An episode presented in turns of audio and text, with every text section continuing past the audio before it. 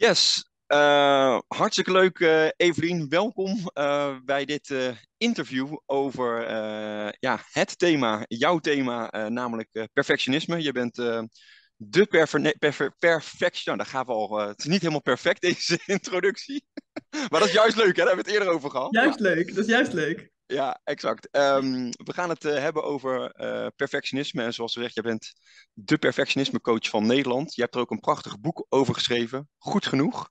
Oh, die staat toevallig ook achter jou, zie ik. Heel subtiel. Toevallig. Heel subtiel. Heel toevallig. Ik herken het. Ja, ja. uh, nee, hartstikke leuk dat je tijd wil vrijmaken voor dit, voor dit interview. Um, en um, ik ga maar gelijk met de deur in huis vallen, als je dat goed vindt. Zeker.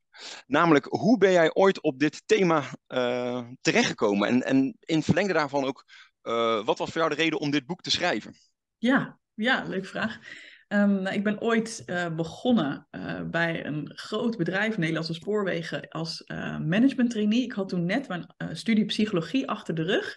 En ik dacht, ik ben helemaal klaar voor het werkende leven, ik heb er zin in. En toen liep ik best wel tegen bepaalde dingen aan. Ik wist toen nog niet dat het perfectionisme was. Dus ik had vooral door dat ik heel erg gestrest was en heel erg ja, bang was om het allemaal niet goed te doen. Um, en het ook moeilijk bijvoorbeeld mijn werk los kon laten buiten werktijden om.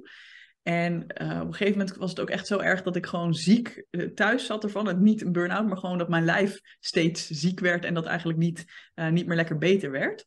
Um, het was een keelontsteking hoor, dus helemaal niet zo heel dramatisch, maar toch, het, het bleef maar doorsudderen. En ik merkte ook echt dat ik op een dag um, ja, het gevoel had van, oh, ik zou eigenlijk weer aan het werk moeten. Hè. Ik, ik begon dan ook steeds weer te werken, terwijl ik me eigenlijk nog niet goed voelde vanuit zo'n soort van verantwoordelijkheidsgevoel. En, dat ik zo misselijk werd bij dat idee dat ik ook echt moest overgeven. Toen dacht ik, oh zo, dit gaat niet helemaal lekker. Dus ik had zoveel stressklachten, zoveel spanning. Um, ja, dat dat me eigenlijk ontzettend in de weg zat. En ik heb er heel lang allerlei um, ja, manieren voor gezocht om ermee om te gaan. Allerlei coaching gevolgd en um, uh, zelfontwikkelings, zelfhulpboeken gelezen. En pas na een hele tijd had ik door, oh, het is perfectionisme. En dat kwam een beetje omdat ik niet helemaal begreep wat perfectionisme was. Dus als je mij toen ook, eh, er, er, is ook toen een collega naar me toegestapt, die zei al tegen mij van, joh, maar ben jij niet gewoon een beetje perfectionistisch? En toen zei ik, nee, dat is het sowieso niet. Want ik had het in beeld, als jij een perfectionist bent, dan wil je altijd alles helemaal goed doen. En dan mag je geen enkel uh, foutje maken.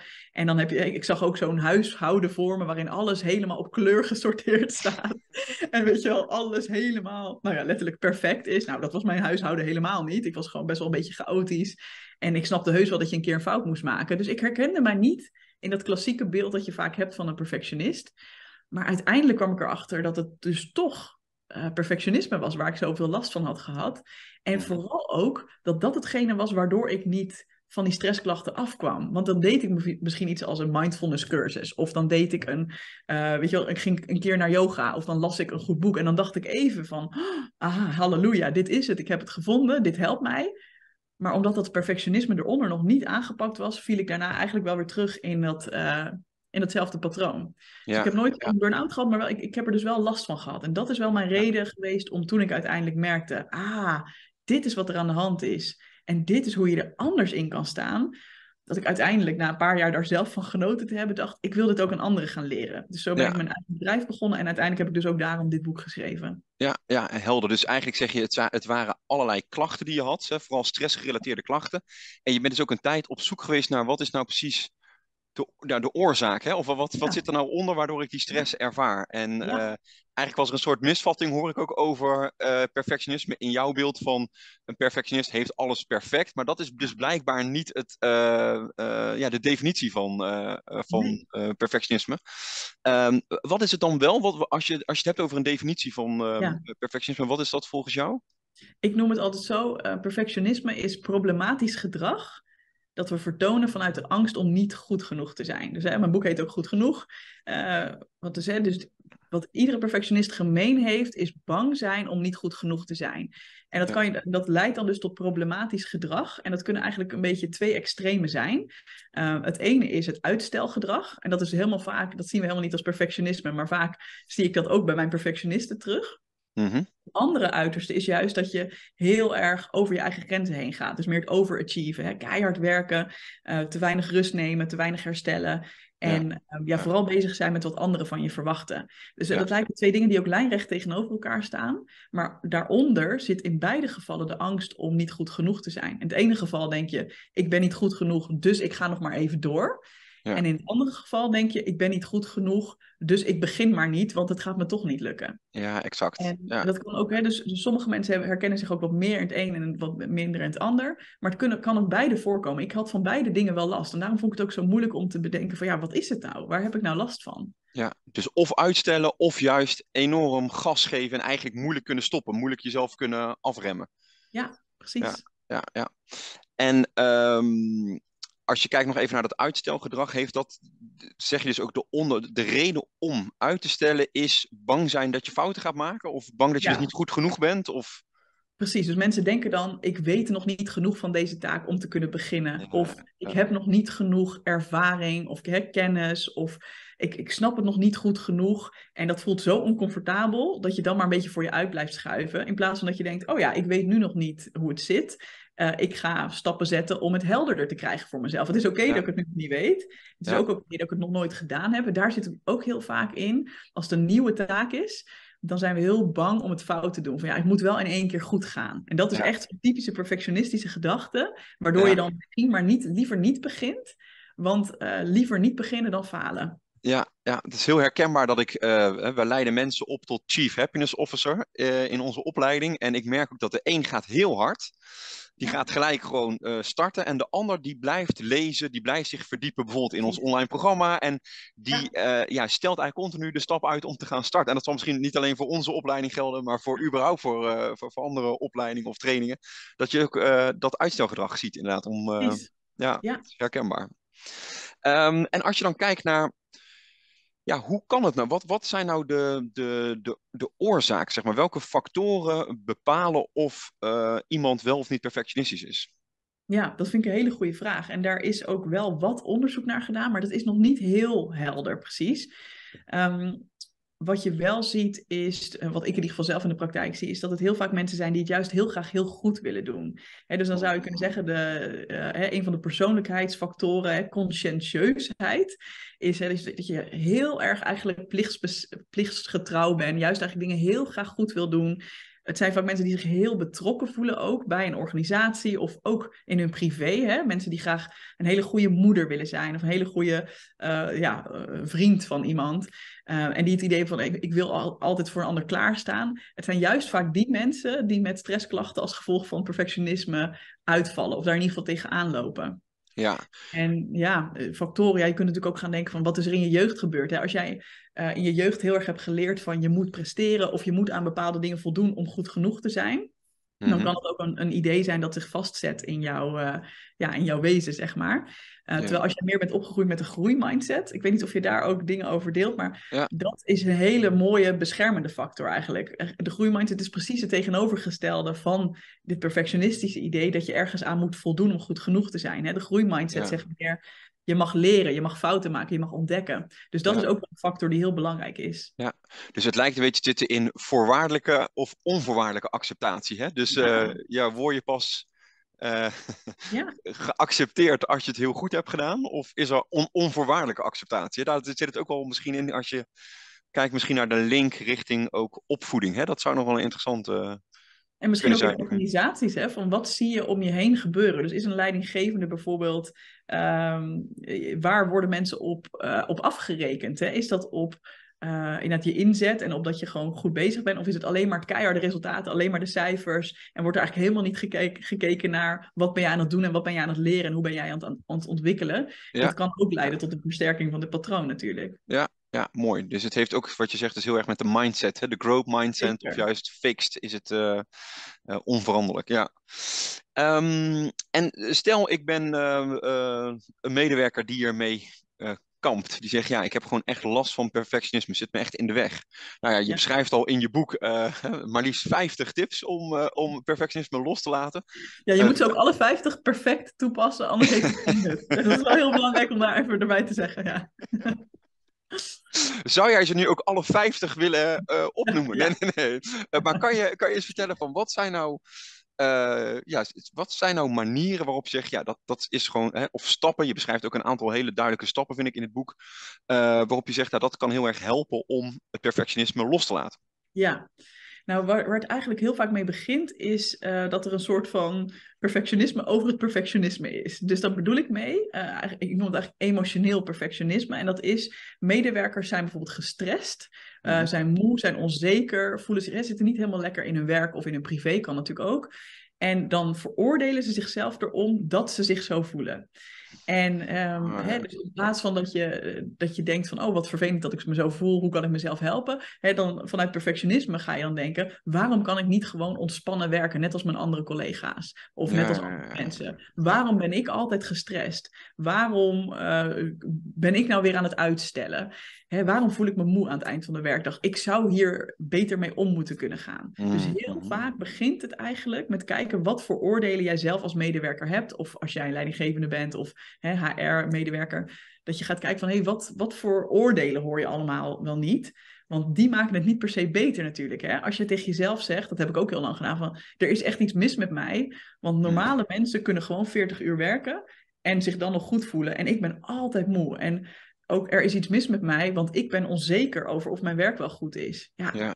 echt ja. super normaal. Dat hebben heel veel mensen. Dus pas als je dat oordeel erop gaat leggen dat dat er niet mag zijn, dan wordt het eigenlijk, hè, dan ga je vaak de druk op jezelf verhogen van, oh, ik zou me niet zo mogen voelen, dus uh, ja, en dan ga je bijvoorbeeld nog wat harder werken of nou ja, een beetje krampachtig worden in je werk. En dan neemt die druk en die stress eigenlijk alleen maar toe. Waardoor ja. dit patroon ook niet kan oplossen. Ja, het doet ook iets met je eigen waarde eigenlijk. Hè? Je bent jezelf steeds meer aan het, in een soort negatieve spiraal aan het. Uh, ja, dat brengen. is het. Ja, dat is het. Ja, dus eigenlijk is de eerste stap misschien ook wel gewoon waarnemen wat er gebeurt, en er, maar op een vriendelijke manier. Dus eigenlijk zoals je misschien tegen een vriend of vriendin of een fijne collega uh, zou praten die jou vertelt van, goh, ik heb bijvoorbeeld best wel wat stress, hè? stel dat dat de situatie is. Ik heb best wel wat stress, ik merk dat ik er niet zo lekker in zit. Hoe zou je reageren op een ander iemand waar jij ja, vriendelijk steunend tegen zou doen? Wat zou je tegen diegene zeggen? Vaak is dat iets heel anders dan wat we als perfectionisten tegen onszelf zeggen. He, vaak vinden we het heel normaal om tegen een ander te zeggen van, oh, wat vervelend voor je. Hey, wat is er allemaal aan de hand? Kan ik met je meedenken? Of, ja. um, goh, zou je dit kunnen proberen? Of waar heb je behoefte aan? En bij onszelf hebben we soms, als je hier last van hebt, kunnen we wel eens de neiging hebben om een beetje streng te worden en te zeggen van, nou zeg, stel je niet aan. Uh, weet je wel, andere mensen ja. hebben er ook geen last van. Ja, oh, mooie tip. Dus je zegt eigenlijk zoals je tegen een collega zou praten, zo probeer je zo tegen jezelf te praten. Ja, op, een, op een vriendelijke, wat zachtere manier. Ja, precies. Ja, ja mooi. En daar zijn mensen vaak bang voor, hè? want waarom doen mensen dat niet? Zeker als je last hebt van perfectionisme. Dat is natuurlijk heel makkelijk gezegd. Hè? Ik vond dit vroeger ook altijd. Dan hoorde ik dit en dacht ik, ja, dat is leuk. Hè? Bijvoorbeeld, wees lief voor jezelf. En dan ging ik er bijna over mijn nek. Ik denk, oh, wat een walgelijke new age term is dit nou weer, weet je wel. Ik, ja, lief zijn voor mezelf. Ik moet gewoon even knallen. Ik moet gewoon even resultaat leveren. Ja. Hè? Want je, je denkt, door harder te werken of door meer mijn best te doen, wordt het beter. Maar op een gegeven moment heb je door van, ja, oké, als dat het patroon is waar je in vastzit en je wordt dus boos op jezelf, want je kunt niet harder werken, ja, dan moet je echt wel even een beetje afstand nemen en denken, oké, ik heb het nu, ik zeg maar wat, 35 jaar op deze manier geprobeerd of 40 jaar op deze manier geprobeerd. Misschien is het niet zo verkeerd om het toch eens te proberen met wat mildheid naar mezelf. Ja, ja, exact. Dus, en dat is iets wat jou ook heeft geholpen om dat ja. als eerste te gaan toepassen, die mildheid. En dit was het allermoeilijkste ook hoor. Want echt, ik was zo met mezelf in gevecht ook. Ik weet niet of mensen dat ook herkennen. Ben ik ook wel benieuwd naar zo meteen. Uh, maar zo met mezelf in gevecht van inderdaad, voor een ander vond ik het heel normaal om daar liefdevol en begripvol en steunend tegen te zijn. Maar richting mezelf dacht ik dan, ja, maar ik moet me gewoon niet aanstellen. Ik moet gewoon even door. Ja. En omdat dan, en ik was ook bang, stel dat ik lief word voor mezelf, ja, dan uiteindelijk krijg ik natuurlijk niks meer voor elkaar. Dan ga ik als een soort van lui aan. Ik zie ook iemand volgens mij een beetje glimlachen. Ik denk dat er ergens wat herkenning is hier.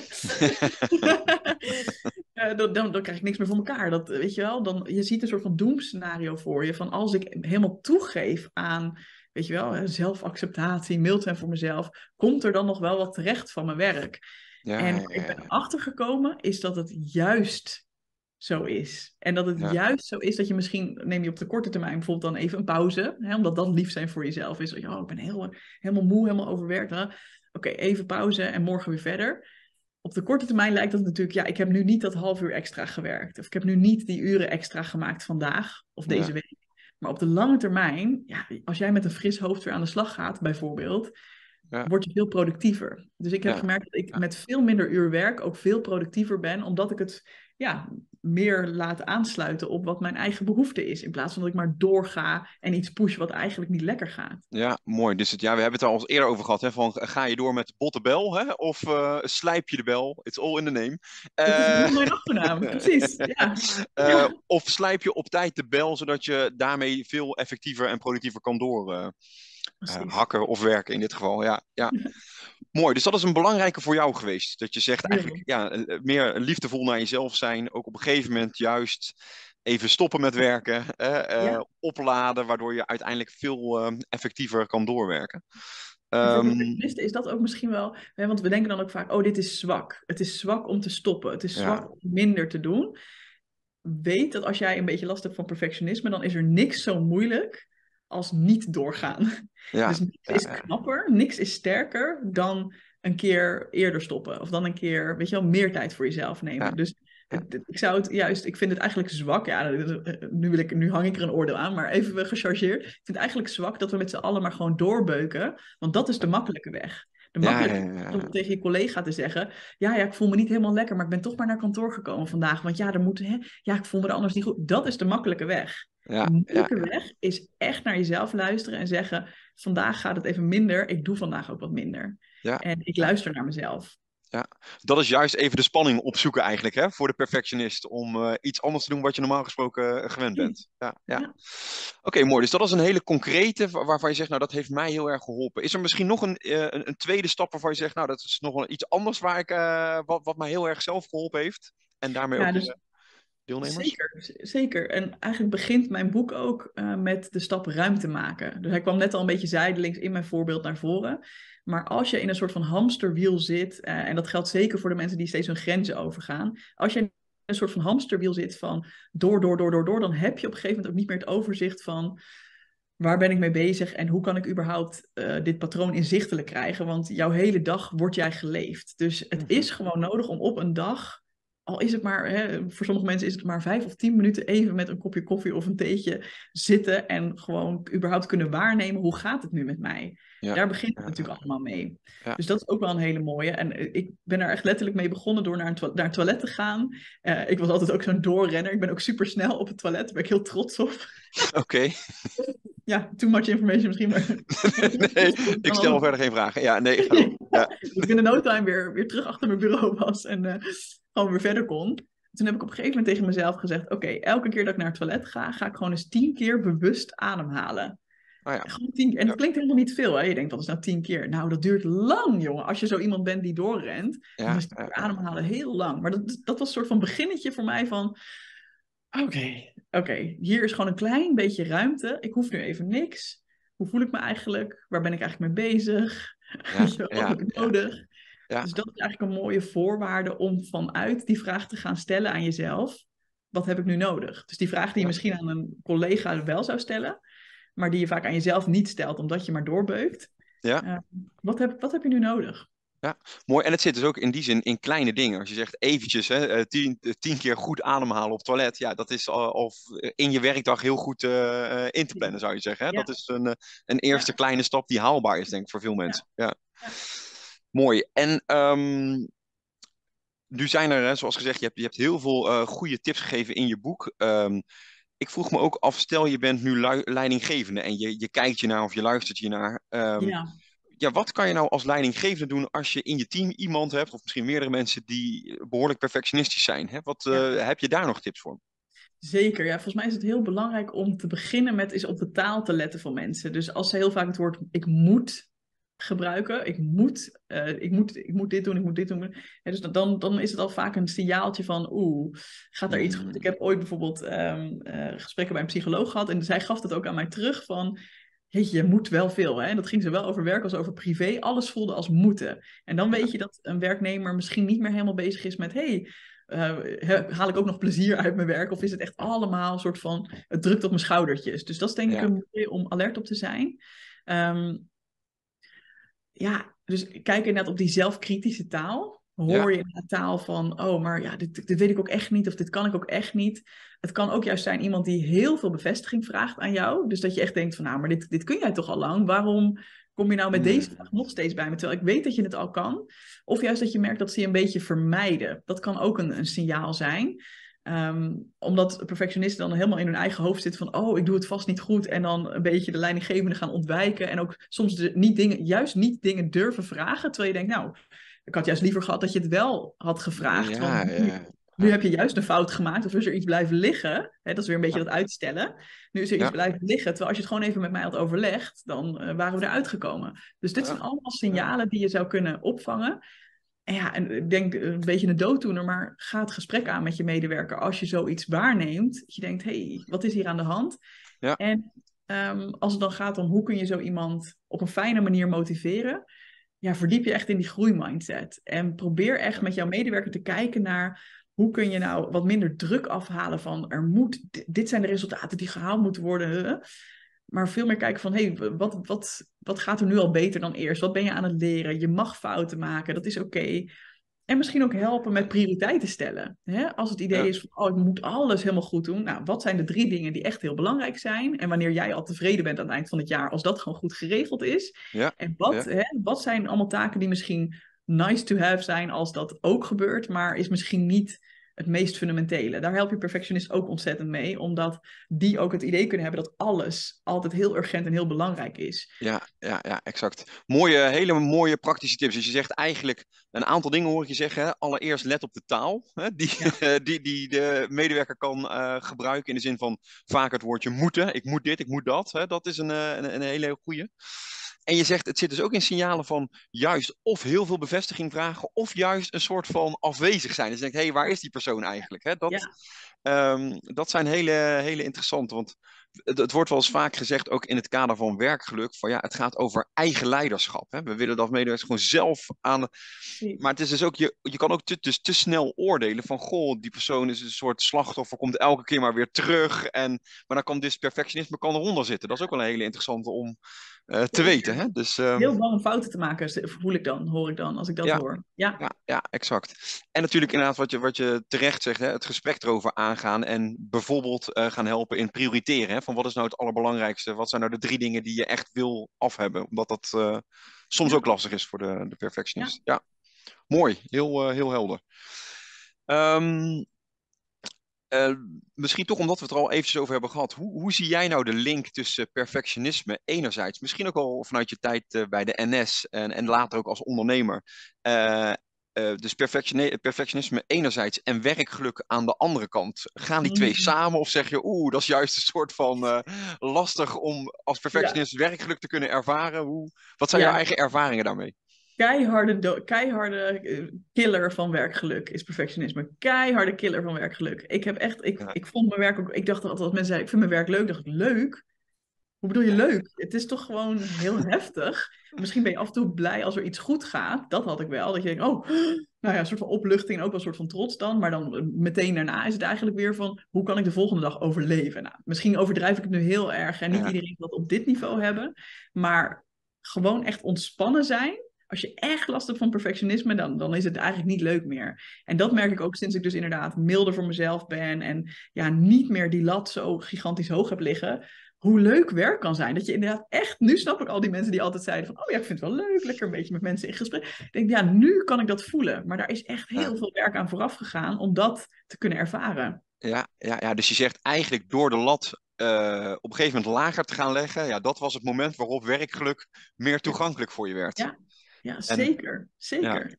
En tot die tijd was het gewoon zwoegen, hoor ik je ook zeggen. Gewoon continu maar, uh, ja. En dus veel stress ervaren, nou ja. Veel stress, de hele ja. bang zijn dat je het niet goed doet. En of je nou... Het was niet eens dat ik bijvoorbeeld heel veel uren werkte. Ik had een contract voor 36 uur. Ik ging helemaal niet over die uren heen. Maar ik was in mijn vrije tijd ook gewoon kapot ervan. Omdat ik zo die mindset had van... Doe ik het wel goed? Heb ik niet... Word ik niet... Uh, vannacht word ik niet ontslagen omdat ik een hele grote fout heb gemaakt. Nou, allemaal dat soort bijna waangedachten. Ja, ja, ja, ja, exact. Ja, ja. Misschien afrondend. Hè? Ehm, je schrijft in je boek ook een aantal, uh, daar begin je volgens mij ook uh, mee in het boek, een aantal misvattingen over perfectionisme. Uh, je hoeft ze niet allemaal te noemen hoor, maar wat is nou een misvatting waarvan je zegt van ja, die komt heel vaak terug um, en die is dus die is niet waar. Precies, een soort mythe, ja. Precies, we hadden net eigenlijk al, de ene is van perfectionisme betekent dus dat je altijd alles helemaal op orde hebt. Nou, dat hoeft helemaal niet zo te zijn. En de tweede is eigenlijk dat een beetje perfectionisme ook wel goed is. Hè? Vaak als je uh, ook zo'n standaard antwoord op sollicitatiegesprekken, waar we het dan over hebben van, oh ja, wat heb je gezegd als uh, valkuil, perfectionisme, weet je wel. Oh, ja, ja, ja, ja. Dat is natuurlijk een beetje zo'n zo'n dooddoener. En dat heel veel mensen denken van, ja, maar ik wil het ook niet helemaal kwijt zijn, want uh, ja, het helpt, me, het helpt me ook, hoor ik ook heel vaak. En ik snap wel wat mensen bedoelen hoor, als ze dat zeggen, want ze bedoelen datgene wat ik net ook zei, wat er vaak onder zit, betrokkenheid. En een hoge norm hebben. En gewoon dingen heel graag goed willen doen. Of zelfs secuur werken. Dat, is natuurlijk, dat zijn hele mooie eigenschappen. Maar ja, wanneer, het is ook een beetje een definitiekwestie. Hè, van wanneer noem je het perfectionisme? Ja. Wanneer je echt een beetje wanneer je echt last ervan krijgt. Omdat je voelt van het, het geeft mij echt stress. En ik heb het idee dat ik nooit aan die lat kan voldoen. Mhm. Ja, dan, dan is dat op geen enkele manier nuttig voor je productiviteit, zeg maar. Nee, exact, exact. Zelfs er tegenin, ja ja, ja.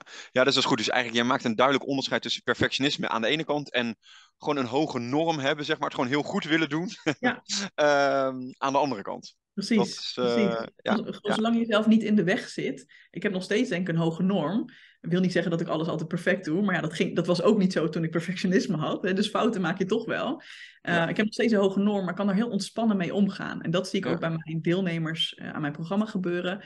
Dat ze gewoon op een ontspannen manier en ah, ja, eigenlijk gaan dan dingen juist ook veel beter. Omdat je op een hele relaxte manier um, het gesprek aangaat met collega's, dingen oplevert. Uh, je houdt het langer vol. Dus ja, het is, het is eigenlijk voor zowel je productiviteit als je werkgeluk fijn om het los te laten. Ja, nou en dus heel mooi en hoopgevend ook uh, uh, tot slot dat er dus je kan, van je, perfe je kan je perfectionisme loslaten. Dat is eigenlijk wel de, het mooie. Hè? Dus het is niet zo van, ja, het zit erin en het blijft erin, maar daar is dus echt uh, werk van te maken. Absoluut, dat is, absoluut. Ja. dat is misschien een mooi bruggetje naar mijn allerlaatste vraag. Hè? De, um, als me mensen dit horen en denken, ja, ik wil echt van mijn perfectionisme af, of uh, misschien ook, uh, ik wil mensen gaan helpen om van perfectionisme af te komen, bijvoorbeeld als je kijkt naar de rol van leidinggevende. Uh, allereerst natuurlijk het boek zou ik, kan ik zelf erg aanbevelen, heb ik erg van genoten. Zijn er nog andere manieren waarop mensen jou kunnen vinden? Ja, ik zou dan ook aanraden om de Perfectionisme podcast een, uh, een kans te geven. Ik heb daar iets van 170 afleveringen bijna, uh, met over allerlei onderwerpen. Dus uh, daar kun je nog lekker een tijdje mee vooruit. Um, op dit moment staat mijn programma even niet open, dat kan in de toekomst wel. Dus ik heb ook een e-book. Uh, volgens mij is dat via doelgerichtecoaching.nl slash e-book. Nou, je kunt sowieso even naar doelgerichtecoaching.nl daar heb ik ook een gratis e-book. En daarmee kom je dan ook op mijn mailinglijst. Dus mocht ik ooit weer hè, een ronde open gaan zetten, dan uh, word je er ook van op de hoogte gebracht. Oké, super. Dus dat is in ieder geval even de website en de podcast die, uh, um, die, ze, die mensen kunnen bekijken en uh, beluisteren om meer te weten over dit ja, boeiende thema. En ehm, ja, ontzettend bedankt voor dit moment. ik heb er zelf, ja, ik, vond het, ik vind het een heel fascinerend onderwerp en een hele mooie link natuurlijk ook naar het thema waar ik zelf erg enthousiast over ben, werkelijk. En nou, fijn om te horen dat je zoveel mensen ook hier al de afgelopen periode mee hebt kunnen helpen. Ik denk dat het heel, uh, ja, heel dankbaar werk is wat dat betreft. Zeker, uh, ja. Dus eh, bedankt voor dit moment. Graag gedaan. Oké, okay, dan ga ik hem voor nu eventjes pauzeren, de opname.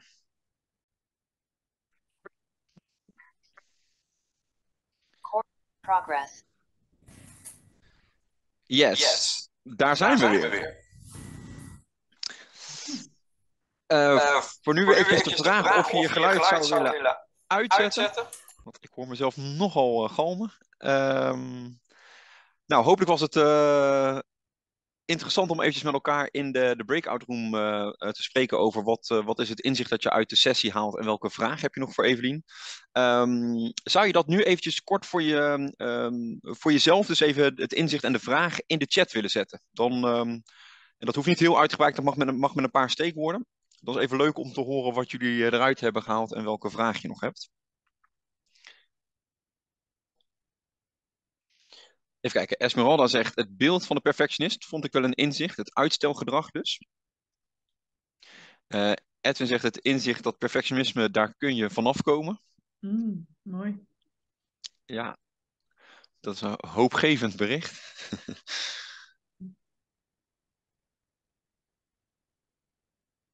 Uh, Barbara zegt leuk om uh, bewust ervan te zijn of iets moet of dat iets mag. Ja, ja ook hele mooie.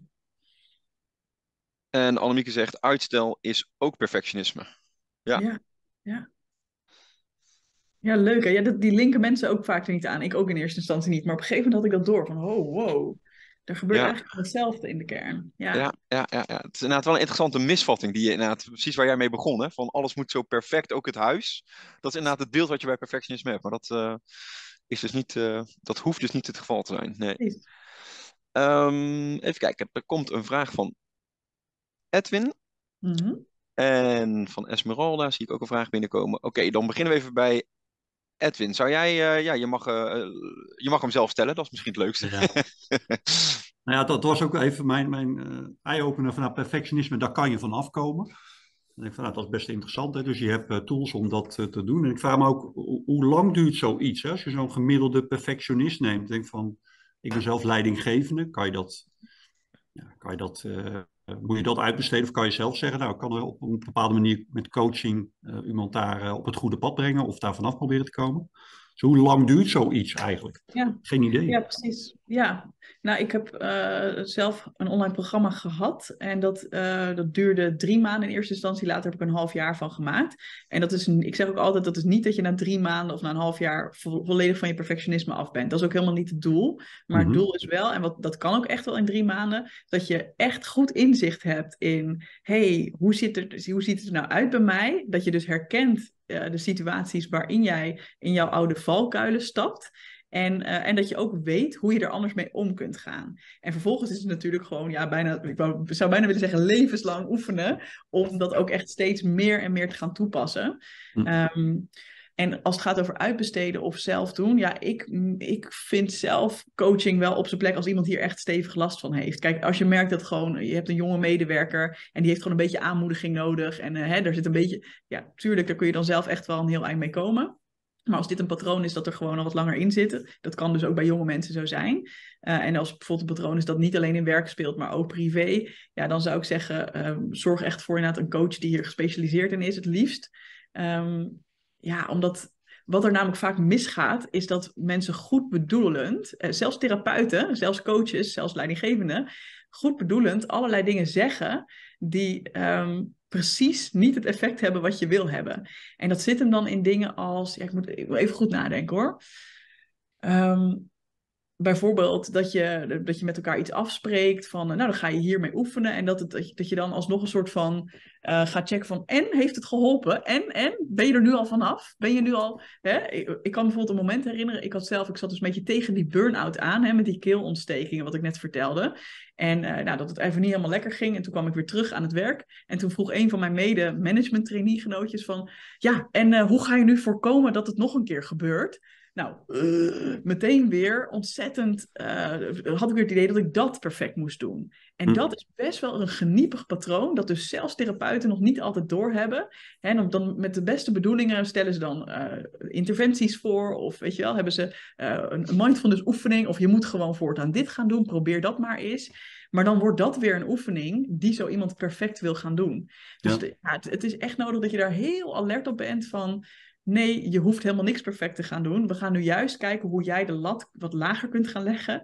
Uh, en ook de oefeningen die wij samen afspreken, is, het is maar een middel. Ook dat hoef je niet perfect te doen. Ook dat hoeft niet meteen resultaat te hebben. Je mag daar de tijd voor nemen. Je hoeft niet in één keer nu een ander mens te zijn, weet je wel? Want ook dat zie je vaak van, dan gaan ze een ontwikkeltraject in. En dan is het, ja, maar ik voel me nog steeds best wel gestrest. En dan hè, ook daar weer de druk op zichzelf leggen van, ik moet nu me al beter voelen ja, die druk moet je er echt helemaal af kunnen halen. Dus daarom is het soms wel lekker om daar gespecialiseerde hulp bij te krijgen. Maar over het algemeen best wel een, een lang proces. Eigenlijk een, een doorlopend ja. proces van erop letten van, uh, ja, ben je nou niet te perfectionistisch bezig? Ja, nou ja, het, het, is vooral ook dat mensen, ik, ik zou dus niet ook van buitenaf dat willen opleggen, hè, dat iemand anders dat gaat checken, maar meer ik gun het mensen heel erg om dezelfde ruimte te hebben, dat het ook niet is van, nou, dit moet even in de maand opgelost worden, want het is een Nee, patroon dat langer ontstaat. Dus ja, Ja. dat, dat heeft wel even tijd nodig. En echt, eh, sowieso, dat ken je waarschijnlijk wel, de gedragsverandering duurt vaak sowieso wel eh, nou, een aantal maanden voordat een gedragsverandering echt lekker doorgewerkt is. Ja. En wat je in die tijd als leidinggevende wel heel goed kan doen, is positieve stimulans geven. Dus ehm, weet je wel, wel geïnteresseerd ernaar zijn, oordeelloos ernaar vragen, eh, complimenten geven over wat er goed gaat. Nou ja, en als iemand ook voelt van, oh, ik mag gewoon met dit proces bezig zijn, het hoeft nog niet perfect te gaan, letterlijk. Ehm, en ik word gestimuleerd in het minder goed proberen te doen. Dat Hm. zijn allemaal hele behulpzame ingrediënten, waardoor het ook sneller kan gaan.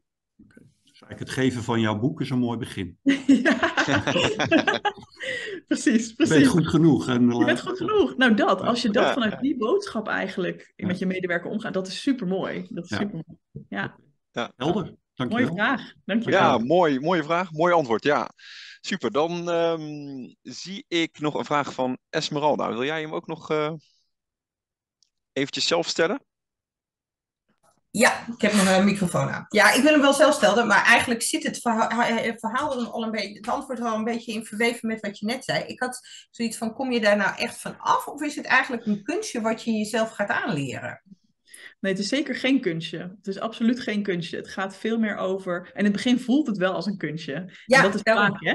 Dat Ja. is vaak als je iets, iets nieuws gaat doen. ehm, stel dat je gitaar gaat spelen, ik zeg maar wat. Ook dat voelt in het begin heel erg van, ja, kijk mij nou met de gitaar. Ik ben toch geen gitaarspeler. En als je dat natuurlijk honderdduizend keer gedaan hebt, dan voelt het heel natuurlijk. Dus ehm, inderdaad, in het begin zal het altijd even wennen zijn om nieuw gedrag te vertonen. Wat voor nieuw iets je ook wil leren. Hè? Dat kan ook zijn als je je voeding gaat aanpassen of als je een ander eh, patroon in je leven wil. Ehm, dus in het begin voelt het wel als een kunstje, maar uiteindelijk, wanneer je het vaker herhaalt en ook weet waarom je dat doet, dus niet gewoon een soort van, oké, ja, ik heb dit van een coach gehoord, maar geen idee. Je moet wel een beetje snappen ook, Ja. hey, waarom, eh, waarom kies ik nu niet meer voor, als ik gestrest ben, mezelf veroordelen, maar waarom kies ik ervoor om hè, steunend tegen mezelf te praten? En mezelf te vragen, wat heb ik nodig? Je snapt wel op de lange termijn, ja, ik wil meer die kant op in plaats van de strenge kant. Eh, en dan voelt het uiteindelijk niet meer als een kunstje. Maar in het begin voelt het heel ongemakkelijk. En denken mensen, oh, en dan voelen ze zich schuldig. Dat is ook echt iets wat, je, wat een heel kenmerkende emotie van perfectionisten is. Heel vaak schuldgevoel van, ik doe niet genoeg. En oh, ik zou nu veel meer moeten doen. Of weet je wel.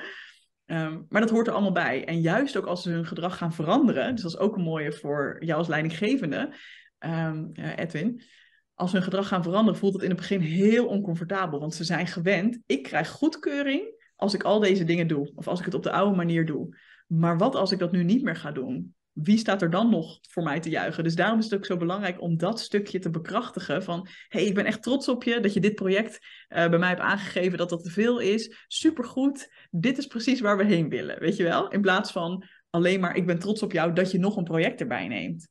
Dus het is een beetje het belonen van het nieuwe gedrag, wat ook helpt om het meer natuurlijk te maken. Maar dat is voor organisaties natuurlijk best wel ingewikkeld. Want ik zit nu ook een beetje aan mensen met een burn-out te denken. Die leren op een gegeven moment veel meer voor zichzelf op te komen. Als organisatie heb je iemand die altijd hard gewerkt heeft, altijd bevlogen is, altijd het perfect is. En dan krijgt op de leidinggevende opeens iemand die ander gedrag vertoont. Is ook voor de leidinggevende en de collega's best wel ingewikkeld, denk ik. Klopt. En dat, dat is ook uh, precies waarom het zo moeilijk is, ook om in de huidige context ander gedrag te gaan vertonen. Ja. Want andere mensen kennen jou op een bepaalde manier. Dus je bent dan best wel geneigd om het op die manier te willen blijven doen. Ja. Um, dus ja, dan is het ook heel belangrijk om daarover goed met elkaar in gesprek te blijven. Ook over bijvoorbeeld die prioriteiten hè, en over wat is nou het allerbelangrijkste. Maar uiteindelijk wil je natuurlijk als organisatie, neem ik aan, een werknemer die lekker kan werken. Ja. Hè? Dus, dus is het ook in het organisatiebelang. Maar dit is net niet eenvoudig. Dit is nee, niet ik wou net zeggen, ook, als je er goed over nadenkt, is het voor iedereen heel belangrijk dat het gebeurt. Precies. Maar het zal ook wel op heel veel weerstand gaan stuiten, omdat ze gewoon, ja, ze kennen iemand die eigenlijk alles perfect deed, tussen aanhalingstekens, hard werkte. Ja, en dan krijg je een gedragsverandering die op de lange termijn heel goed is. Maar in het begin zullen ze daar echt niet blij mee zijn, denk ik. Sommige mensen moeten even wennen. En grappig genoeg krijg ik heel vaak, want dit is ook de groot, een van de grootste angsten hè, van perfectionisten om het los te gaan laten van ja, wat gaat mijn omgeving ervan vinden als ik ineens niet meer aan die lat voldoe. Hè? Dus ook je, je vrienden en vriendinnen, als je ineens niet meer bij elke verjaardag er bent, hè, omdat je al hartstikke moe bent grappig genoeg krijg ik heel vaak te horen dat het ook heel erg meevalt in de praktijk. Dus wij denken dat al die dingen nodig zijn. We denken dat, dat iedereen op ons zit te wachten met al die dingen waar we ons druk om maken. Terwijl vaak doordat je dit gaat aanpakken, ga je focussen op wat echt de kern is. Ehm, en, en, ik heb vaker dan eens gehoord, mijn leidinggevende geeft me nu juist meer complimenten, omdat ik juist beter werk lever. Of omdat ik, eh, want we denken van perfectionisme zorgt voor perfect werk en zorgt voor minder fouten en lekker veel product. Dat is dus niet zo. Want vaak omdat het zoveel is, levert dat juist ook rommeligheid op. En ehm, ja, dat kan dus soms juist ook beter worden op het moment dat je minder streng wordt voor jezelf en zegt, ja, dit is echt mijn kern, hier ga ik volle bak voor. Dus het valt ook in de praktijk nog wel mee. Oh, dat vind ik dan ook wel weer leuk om te horen. het is vaak het beeld dat we zelf hebben, de angst die we hebben, dat mensen ons dan niet meer goed zullen vinden. Maar het valt heel vaak heel erg mee. Mooi, mooi. Uh, ik krijg van Barbara nog, uh, die heeft helaas de uh, sessie wat eerder moeten verlaten vanwege een andere afspraak.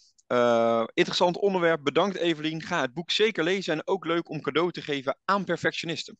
Dus, nou, onder de kerstboom. Hè? uh, hartstikke mooi. Ik zie voor nu geen uh, vragen meer. Misschien nog de laatste afrondende vraag. Hè? Ik, ik ben gewoon eens benieuwd nog ook naar de cijfers. Heb jij nou een beeld van hoeveel procent van Nederland worstelt hiermee? Eh, zijn daar, zijn daar cijfers over bekend of niet? Ik, nee, durf ik je niet te vertellen. Maar wat ik wel um, zie uit onderzoeken, zeg maar, van een tijdje geleden al, is dat het aan het stijgen is. En dat is niet alleen in Nederland, maar gewoon in de hele westerse wereld. En dat is natuurlijk ook helemaal niet zo gek, want um, er zijn een aantal factoren die daaraan bijdragen. Hè. Ten eerste, um, we worden ook veel individualistischer, veel meer gericht op hoe presteer jij als mens, in plaats van, oh, je, ben, je, je bent met z'n allen verantwoordelijk voor iets. Vaak hè, dingen worden veel meer meetbaar gemaakt, dus dat kan ook mhm. hiervoor zorgen. Uh, social media is ook wel een uh, factor die daar in dat onderzoek genoemd werd. Ja, als je de hele tijd ook ziet van mensen, dit is hoe mijn leven eruit ziet, dit is hè, of op LinkedIn, dit is de gave baan die ik nu aan het doen ben ja, daar kan je ook dat gevoel van krijgen van ik loop achter de feiten aan of ik doe het allemaal niet goed of mijn leven is niet zo leuk of zo goed als dat van een ander. Ja. en ook dat kan weer leiden tot, uh, tot ja, meer stress en meer druk op jezelf. Ja, ja dus ik heb het idee dat het echt uh, het, het is aan toenemen. Ja, ja, dat het stijgt. Ja. Klinkt ook logisch gezien de oorzaken die je noemt, inderdaad. Hè? Gezien, gezien de ontwikkelingen. Ja, ja. Mooi. Het is uh, inmiddels uh, vier uur geweest. Uh, dus ik wil jou ontzettend gaan bedanken, Evelien, voor je tijd en al je wijsheid over dit thema. En ehm, nou, volgens mij heel interessant om inderdaad je boek en je podcast, om die in ieder geval te gaan volgen. Um, dus bedankt voor dit moment. En, ehm, het was heel erg leuk om hierbij te mogen zijn. Mooie vragen. nou, hartstikke mooi. Um, en voor de anderen zou ik willen zeggen, uh, ik stel voor dat we even kort pauzeren, uh, even vijf minuutjes, en dat we daarna doorgaan om even te horen welke vragen leveren nog als het gaat om uh, het werk maken van werkgeluk uh, binnen jouw organisatie. Um, dus dat laten we zeggen over vijf minuten, dus dat is nou acht over vier zijn we hier weer terug. Voor nog eventjes afrondend de Q&A. Ja? Okay. Tot ziens. bedankt. Mm-hmm.